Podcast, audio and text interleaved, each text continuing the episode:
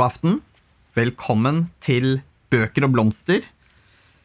Jeg er eh, Kamerat E, og jeg ønsker gjennom eh, denne serien å gi dere noen smakebiter av eh, verdenslitteraturen. Og for å gå rett på sak, kunne jo her begynt veldig teknisk avansert og veldig krevende og dypt filosofisk eller, eller teoretisk. Men jeg tenker å begynne litt snilt med resultatet av en vennetur til Genévesjøen på tidlig 1800-tall. En bok som eh, er, har satt dype spor, og som føles minst like aktuell i dag, og det kommer jeg tilbake til, som da den ble skrevet. Det er Frankenstein av Mary Shelley. Eh, ikke bare er det en spesiell bok, eh, i og for seg at den ble i sin tid skrevet av en kvinne i en tid da kvinner var nektet eh, adgang til f.eks. universiteter og høyere utdanning. Men det er også en interessant bok da den ble skrevet som en spøkelseshistorie, men ikke inneholder et eneste spøkelse. Kanskje bortsett fra et spøkelse som har ligget eh, i eh, menneskets bevissthet helt siden antikken, og kanskje også før det vi regner som antikken. For når vi skal begynne med en sånn bok, så begynner vi jo med å se på utsida av enhver bok. Og vi blar opp, og så ser vi at denne boken har også en undertittel. Og undertittelen her er 'Or the Modern Prometheus. Og da er vi jo midt oppe i den greske mytologien og en av de store eh, referansene i verdenshistorien, nemlig til Prometheus-myten. Um, og Prometheus eh, er jo, som kanskje ganske mange vet, men eh, hva lærer de nå på skolen i dag? Eh, I religionsvitenskap, eller hva det nå heter? RLE, eller et eller annet sånt. Eh, hva er det man lærer der, egentlig, om den greske mytologien? For dette er en historie som er en av nøkkelfortellingene i den greske mytologien. Du kan lese den bl.a. gjenfortalt mange steder. Et sted er jo f.eks. Hesiod, eh, som var en viktig historiker, eh, historie, nedtegner av historier eh, i det antikke Hellas, som skrev ned en eh, beretning, teogonien, altså over gudenes eh, opphav, hvor også fortellingen om Prometheus, som gir mennesket kraft, ildens kraft, eh, og tar denne da fra gudene, eh, og blir straffet for det. Altså gir menneskene en kraft som de kan gjøre slik at de selv blir mer som gudene og får på en måte gjennom ildens kraft blir herrer over egen, egne liv og ikke lenger er gudenes slaver.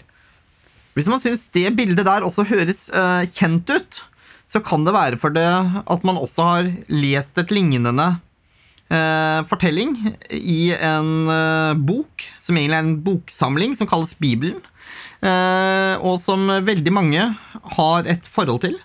Og vi finner dette her også da gjenfortalt i skapelsesberetningen, hvor eh, eh, mennesket er, eh, er eh, har alt, bortsett fra én ting, nemlig tilgangen til kunnskapens tre, og hvor da slangen, ofte også kjent som Satan, kommer inn og lokker mennesket til å spise av kunnskapens tre for å bli lik Gud. Og resultatet av dette blir jo at slangen blir kastet ned og må krype på marken. Eh, og dernest at mennesket blir eh, gjort dødelig, og døden og smerten eh, og lengselen etter et, og savn blir en del av menneskets videre skjebne. Dette er for øvrig også veldig veldig likt hva som skjer med menneskene i fortellingen om eh, Prometheus, hvor også menneskene igjen, både menn og kvinner, må lide eh, på noe forskjellig vis, men må også lide som konsekvens av gudenes straff. Så hva eh, så der, allerede der har vi en på en måte en åpningsfortelling som setter oss inn med et viktig bakteppe når vi skal begynne å lese denne historien om Frankenstein. Så kan vi jo bla opp på første side. Uh, og jeg skal ikke lese hele boken for dere, for det ville jo være litt sånn der Jeg holdt på å si spoiler alert, men dette er jo en så kjent historie at her er det jo, vil veldig mange kjenne plottet og gangen. Men uh, dere skal få lov til å få gleden av å lese boken stort sett selv. Men jeg tenker at vi kan bare referere til at mange bøker har jo på helt i starten av boka et sitat fra et annet litterært verk. Og det er en sånn uh, gest. Uh, det kan være en homage til noen som har skrevet før. Samtidig er det også med på å knytte et litterært verk til en større familie av litterære verk, og dermed også vise på en måte en slags form for slektskap, idémessig, tankemessig uh, og litterært med foreliggende tekster. Og veldig, veldig interessant er at det sitatet som innleder hele beretningen til Mary Shelley, er hentet fra et av de mest legendariske diktverk i den engelskspråklige litteraturen, nemlig John Milton sin Paradise Lost. Og der er vi jo igjen inn på en fortelling som på mange måter forteller om, men rett nok da fra et litt annet perspektiv, syndefallet og menneskets utkastelse fra paradiset, og om også hvordan den ambivalens som ligger mellom den skapte øh, og den som har skapt øh, dem, og hvor vi også får dette narrativet om muligens den onde eller ubarmhjertige skaper som skaper uh, noe, men allikevel bortviser og ønsker å frastøte seg det uh, han har skapt. Når dette viser seg å ikke være like fullkomment som ambisjonen var i utgangspunktet, og vi får denne tvisten hvor den skapte vender seg mot den som har skapt. og det er på en måte grunnplottet som vi ser inn i denne romanen. Eh, og jeg tenker at det var veldig interessant å ha i bakhodet eh, når jeg eh, leste denne boken igjen. For dette er jo en fortelling som jeg har vært borti over mange år, men første gang jeg leste den, så hadde jeg jo ikke disse referansene på plass. Og det er disse referansene som gir på en måte en fortelling en ekstra vri. Så kan man jo tenke veldig mye på eh, hvordan en sånn roman skal leses og forstås. Og igjen så vil jeg si at dette er en veldig moderne Prometheus-fortelling. Den er så moderne at selv om handlingen som da det ble skrevet på starten av 1800-tallet, er lagt til slutten av 1700-tallet, Eh, føles eh, mer relevant enn veldig mange science fiction-romaner skrevet i løpet av det 20. århundret. På mange måter er det veldig mange av disse science fiction-romanene som også har bygget på uh, Mary Shelley sin roman 'Frankenstein'. Dette monsteret i fortellingen er jo Eh, i seg selv et ulykkelig vesen. Et vesen som i motsetning til en del filmatiseringer og dramatiseringer slettes ikke er et dumt, ufølsomt, morderisk vesen i seg selv, men som blir det i under konfrontering med sin egen utilstrekkelighet. Samtidig så er det den som på mange måter egentlig er skurken i denne fortellingen, er jo Og det er veldig interessant å også trekke fram, er jo, er jo da Viktor Frankenstein. Eh, og her kan vi jo si den gale vitenskapsmann, og så får vi et sånt bilde av en eh, gammel mann med masse flokete hvitt hår, og som eh, har en litt sånn derre eh, stygg latter. Eh, denne Victor Frankenstein beskrives jo som en ung eh, person. En meget dedikert student som eh, leser hele døgnet til den grad at han blir syk, blek og avmagret av sitt fokus på studier. Han beskrives i romanen som en som leser både alkymister og moderne naturvitere. Og siden dette er lagt til slutten av 1700-tallet, 1800-tallet, starten av 1800-tallet, så ser vi at det spilles inn hele den samtidige diskusjonen hvor vi ser at grenseflaten mellom Kall det, det det som er magi, og det som er vitenskap, opp mot den tradisjonelle kirken og den tradisjonelle forståelsene, er i en stor brytning. Dette her er tida før Darwin, men, ser, øh, men etter Linné. Dette er tida hvor uh, den svenborgianske uh, magien og okkultismen uh, og naturmagnetisme er begreper som florerer, samtidig med at vi ser galvinismen begynner å bli allment, eller i hvert fall i de beleste kretser, kjent altså teorien om at man gjennom f.eks. elektrisk stimuli kunne påvirke døde muskelceller eh, til å trekke seg sammen, og på den måten eh, få en livsaktig eh, En livsaktig resultat ut i stedet. Som resultat. Så dette er en veldig brytningstid. Dette er jo opplysningstida. Møter på mange måter her også de gamle understrømningene som vi har sett ligget latent, egentlig som et parallelt sidespor i både litteratur og i kunnskapsformidling, eh, og som har ofte gått hånd i hånd med vitenskapen helt siden i hvert fall renessansen, men vi kan trekke dette enda lenger tilbake. Eh, og her kan man jo nevne at en av de største navnene innenfor fremveksten av den moderne europeiske fysikken og matematikken, Isaac Newton, også brukte veldig mye av sin voksne tid på f.eks. alkymi, og eh, på å lese såkalt esoterisk litteratur. Så hvorfor sier jeg dette? Hvorfor eh, plasserer jeg og bruker så mye tid på dette? Plasserer dette bakgrunnen her? Jo, at det er viktig for å også forstå den rammen som er rundt denne fortellingen, men også for å si og vise hvor på en måte moderne den er, men også de likhetstrekkene som ligger mellom den på en måte grenseløse optimismen som uh, ligger i vår uh, vitenskap, men også i enkelte religiøse og magiske eh, sammenhenger, som Og hvilken på en måte Hvordan dette spiller inn for å danne helhetsinntrykket i denne romanen.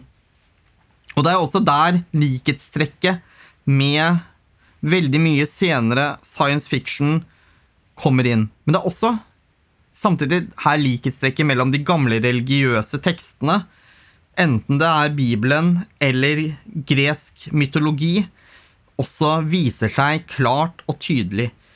For det er i dette spenningsfeltet hvor mennesket på en måte utgår med sin optimisme og sin kunnskap utover de rammene som naturlig ofte er satt og tenkt satt for mennesket. Og dette har jo et eget eh, eh begrep i den greske setting, og det er hybris. Eh, og en hybris, det er å gå utover, eller begjære seg utover de naturgitte rammene av det å være menneske, og det vil jo da bli straffet og gjerne da med en form av en guddommelig straff.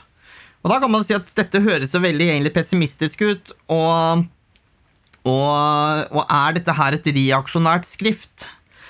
Samtidig så er det jo et eller annet som på en måte skurrer, for når jeg leser denne, så får jeg veldig stor sympati med dette monsteret.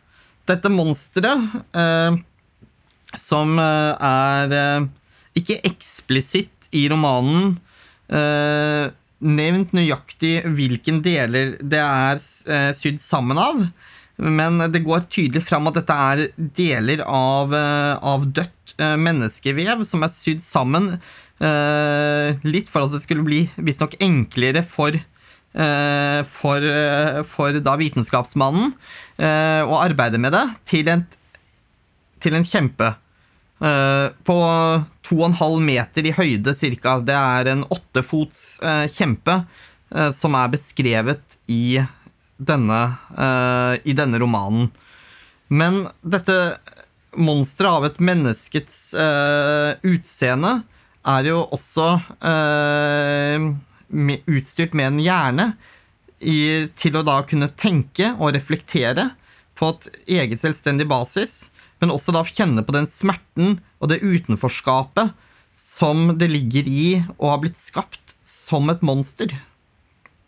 Eh, et monster som ikke kan elskes, og ikke har noen å elske. Eh, og hvis egentlig største drøm eh, er å finne noen som kan elske det. Og dette er jo det som også da Viktor Frankenstein, litt spoiler alert her kanskje, nekter dette monsteret. Fordi at han ikke orker tanken på å lage en make til dette monsteret, i frykt for eh, å da eh, sette ting enda mer ut av kontroll. Og hvis vi tenker over i dagens virkelighet, altså monstre som tenker selv, føler selv, eh, så får man jo med en gang tankene kanskje ikke til noe som er lagd med naturmagnetisme og, og strøm hentet fra lynnedslag, men vi kan jo her tenke både innenfor eh, rammene av genteknologi, men nå i det 21. århundret enda større grunn til å tenke innen rammene av kunstig intelligens, altså en intelligens som tenker og føler, og som er skapt av oss, men som på et ganske tidlig tidspunkt slutter å lystre oss, og som begynner å innse eh, eh, at den må rette seg mot sin egen skaper. Dette er for øvrig ikke et nytt plott. Dette er jo det samme plottet som man også ser i veldig mange av av 1900-tallet, det 20. århundres eh, science fiction-fortellinger, eh, hvor en gjennomgangstone er at en intelligens, en eh, kunnskapskraft eh, eller en maskin eh, begynner å tenke og agere uavhengig av menneskene, og, og eller uavhengig av de som har skapt den og satt den inn i den posisjonen eh, hvor hvor, de, eh, hvor den gjør, gjør, sin gjerning. Da kan man spørre er dette her reaksjonært, er dette, eller er dette dypt revolusjonært? Og her er det, tror jeg, slik at her må man lese selv. Og, man, og det er jo det spennende med bøker, er jo at bøker kan leses på mange måter. Og hvordan vi leser bøker, har veldig mye å gjøre med hvilken andre bøker vi leser, og hvordan vi ser det. På mange måter kan eh, Frankenstein-romanen eh, også snakke godt sammen med f.eks. Eh, nå skal ikke jeg prøve å virke pretensiøs her, i hvert fall ikke mer pretensiøs enn jeg sikkert allerede virker, eh, men godt sammen med Nietzsches eh, fortellinger om eh, at mennesket må bryte ut av sin egen menneskelighet og bli et overmenneske. Og her kan vi jo se eh, kanskje Viktor Frankenstein som nettopp et, en som har brutt ut av rammene av det å være menneske, ved å igjen da opphøye seg selv til skaper. Eh, og ikke nødvendigvis da finne akkurat lykken via å gjøre det. Samtidig så er det jo noe med denne fortellingen at eh, Igjen, eh, hvis vi tenker over på vår egen samtid, Eh, menneskets uh, higen etter vitenskap, etter framskritt, etter å stadig nå nye barrierer. Hvor leder det oss egentlig hen?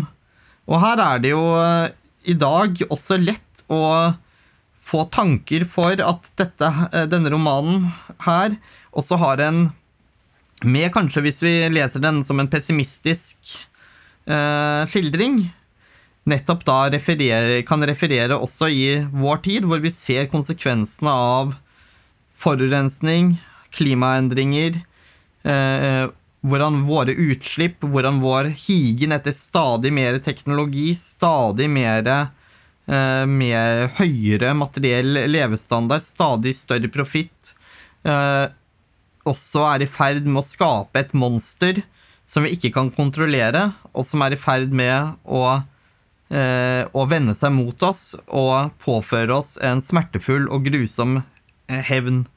Eh, så vi kan se dette også en, som en allegori, og selvfølgelig er det ikke skrevet som en allegori over eh, dagens naturkatastrofer. Det ville i så fall være ganske unikt at eh, man nesten 300-250 eh, år tidligere i tid skulle liksom sitte ned og skrive ja, i 2020, 2021, da kommer denne boken til å være veldig relevant, for da kommer de til å ha en klimakrise.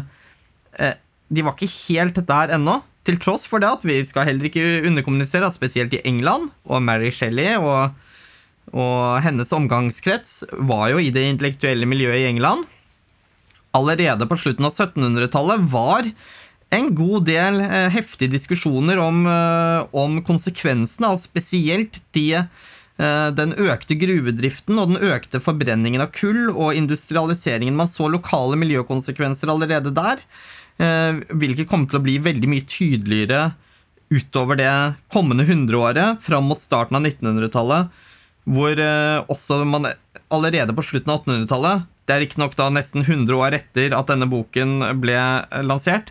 Eh, jo, eh, som et apropos, oppdager og dokumenterer drivhuseffekten og sammenhengen mellom forbrenning av kull og gasser som kan bidra til en oppvarmende effekt på det globale klimaet. Så vi kan sette denne boken inn i en veldig spennende lesning, hvor vi kan trekke dette alt fra de religiøse historiene til våre på en måte eh, refleksjoner i dag. Samtidig med at den gir oss et blueprint for en story, en fortelling, som vi ser uh, utfolde seg i gang etter gang i forskjellige formater. Vi ser denne fortellingen er gjenfortalt i mer eller mindre direkte form i alt fra dataspill til filmer, til serier, til eh, moderne romaner. Et eksempel på en sånn moderne roman, som jeg syns selv var en veldig morsom bok, men som da, eh, som da kom ut for, eh, på norsk for et par år siden, men som i 2019 men som har, ble skrevet for nesten ti år siden, er jo da boken 'Frankenstein i Bagdad' som er en skildring av, en, eh, av et Bagdad i, på randen av borgerkrig. Dette er eh, mot slutten av den amerikanske okkupasjonen. Eh, bilbomber er et dagligdags tema. Og av dette så går en fattig et slags form for halvveis uteligger rundt og samler sammen likdelene av disse menneskene som har blitt sprengt i stykker av bilbombene. Og han lapper dem sammen eh, for å på en måte kunne skape i hvert fall én kropp som man kan symbolsk begrave. Eh, så eh, skjer det der at uh, i nabohuset Han er skraphandler, han. Og i nabohuset så bor en gammel kristen uh, dame som på 80-tallet mistet sønnen sin i, uh, til Saddam Husseins krig mot Iran. hvor sønnen da ble drept, men offisielt ble han aldri meldt død. Så hver eneste kveld ber hun og kaller på denne sønnen ved navn. Samtidig, så rett over veien, her må vi fortelle plottet, eh, så er det et hotell. Og dette hotellet er det en dørvakt. Og en dag kommer det en bil med en bilbombe, og dørvakten ofrer livet sitt for å stoppe denne bilen.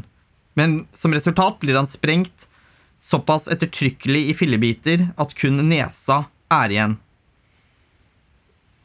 Og det som da skjer, er, ifølge kall det tradisjon fra Irak, er at sjelen forlater kroppen når man dør, men ønsker aller mest å bli gjenforent med sin egen kropp men leter derfor hvileløst etter en kropp, siden denne kroppen ikke lenger eksisterer, sprengt i for små biter, så finner denne sjelen en annen kropp.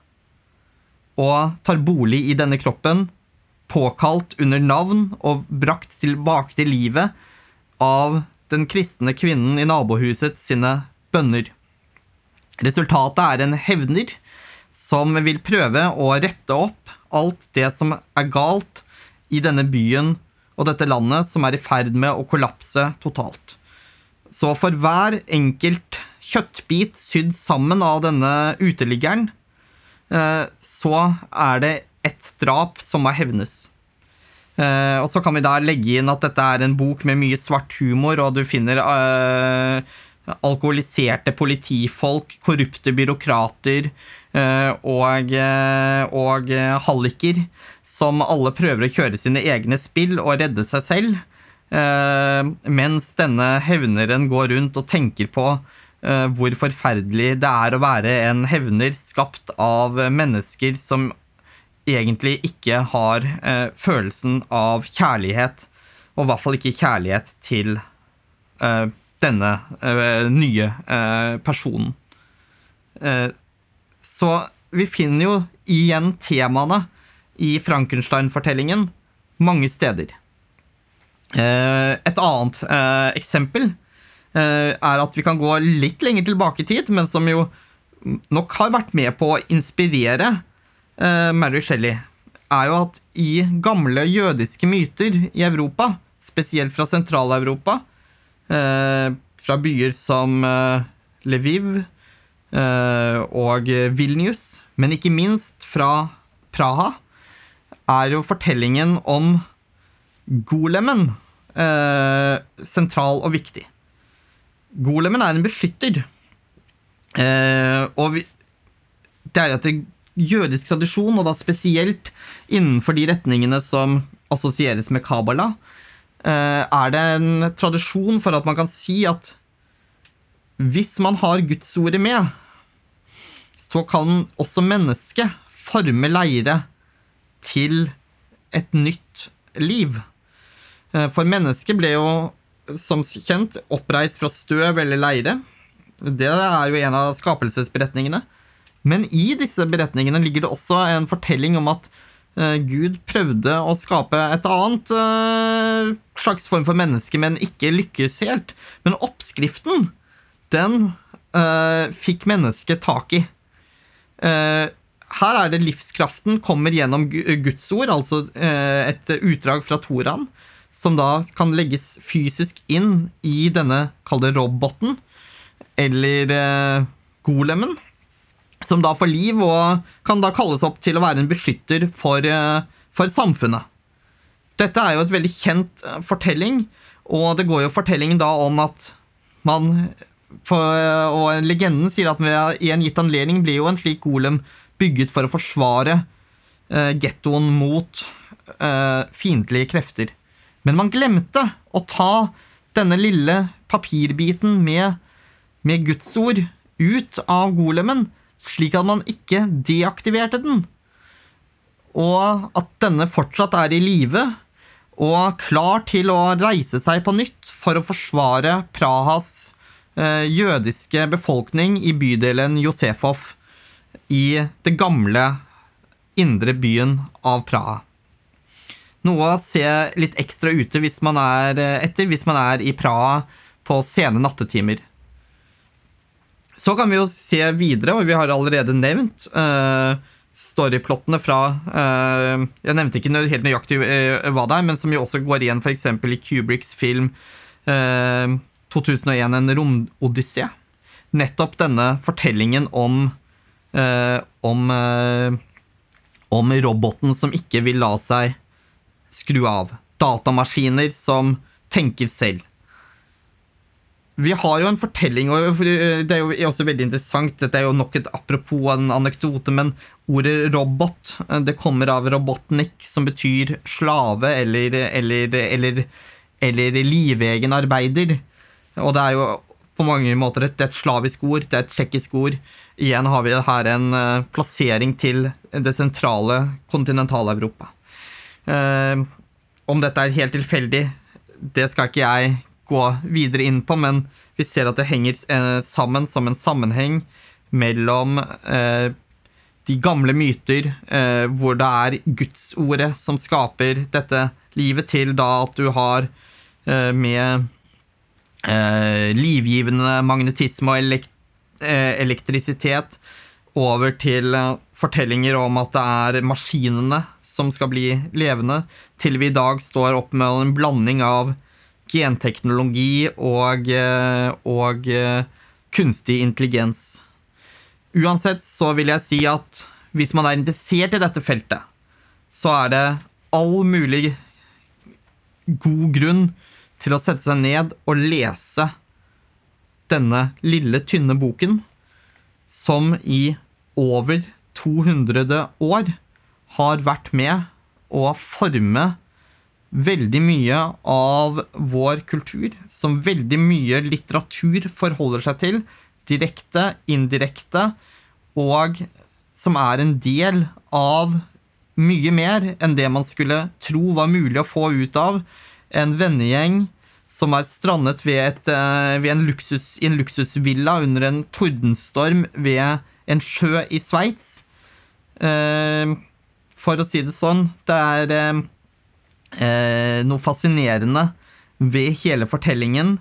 Hvordan den blir til, hvordan den kommer inn. Men for meg er den virkelige fascinerende biten hvordan denne lille romanen er en så sentralt plassert brikke i det store litterære puslespillet. Så det er eh, den første eh, eh, boka som eh, jeg dermed valgte for å presentere her. Eh, jeg anbefaler alle å lese den. Selvfølgelig anbefaler jeg alle å prøve å lese den inn i en større litterær sammenheng. Eh, men nå er det i hvert fall gitt noen knagger man kan ha med seg for å hekte på en del av trådene og referansene som man vil støte på allerede ganske tidlig i denne boka. Noen bøker er jo kjent for at de liksom skal holde på alle hemmelighetene sine. Slik er ikke romanen Frankenstein. I hvert fall ikke i det åpenbare.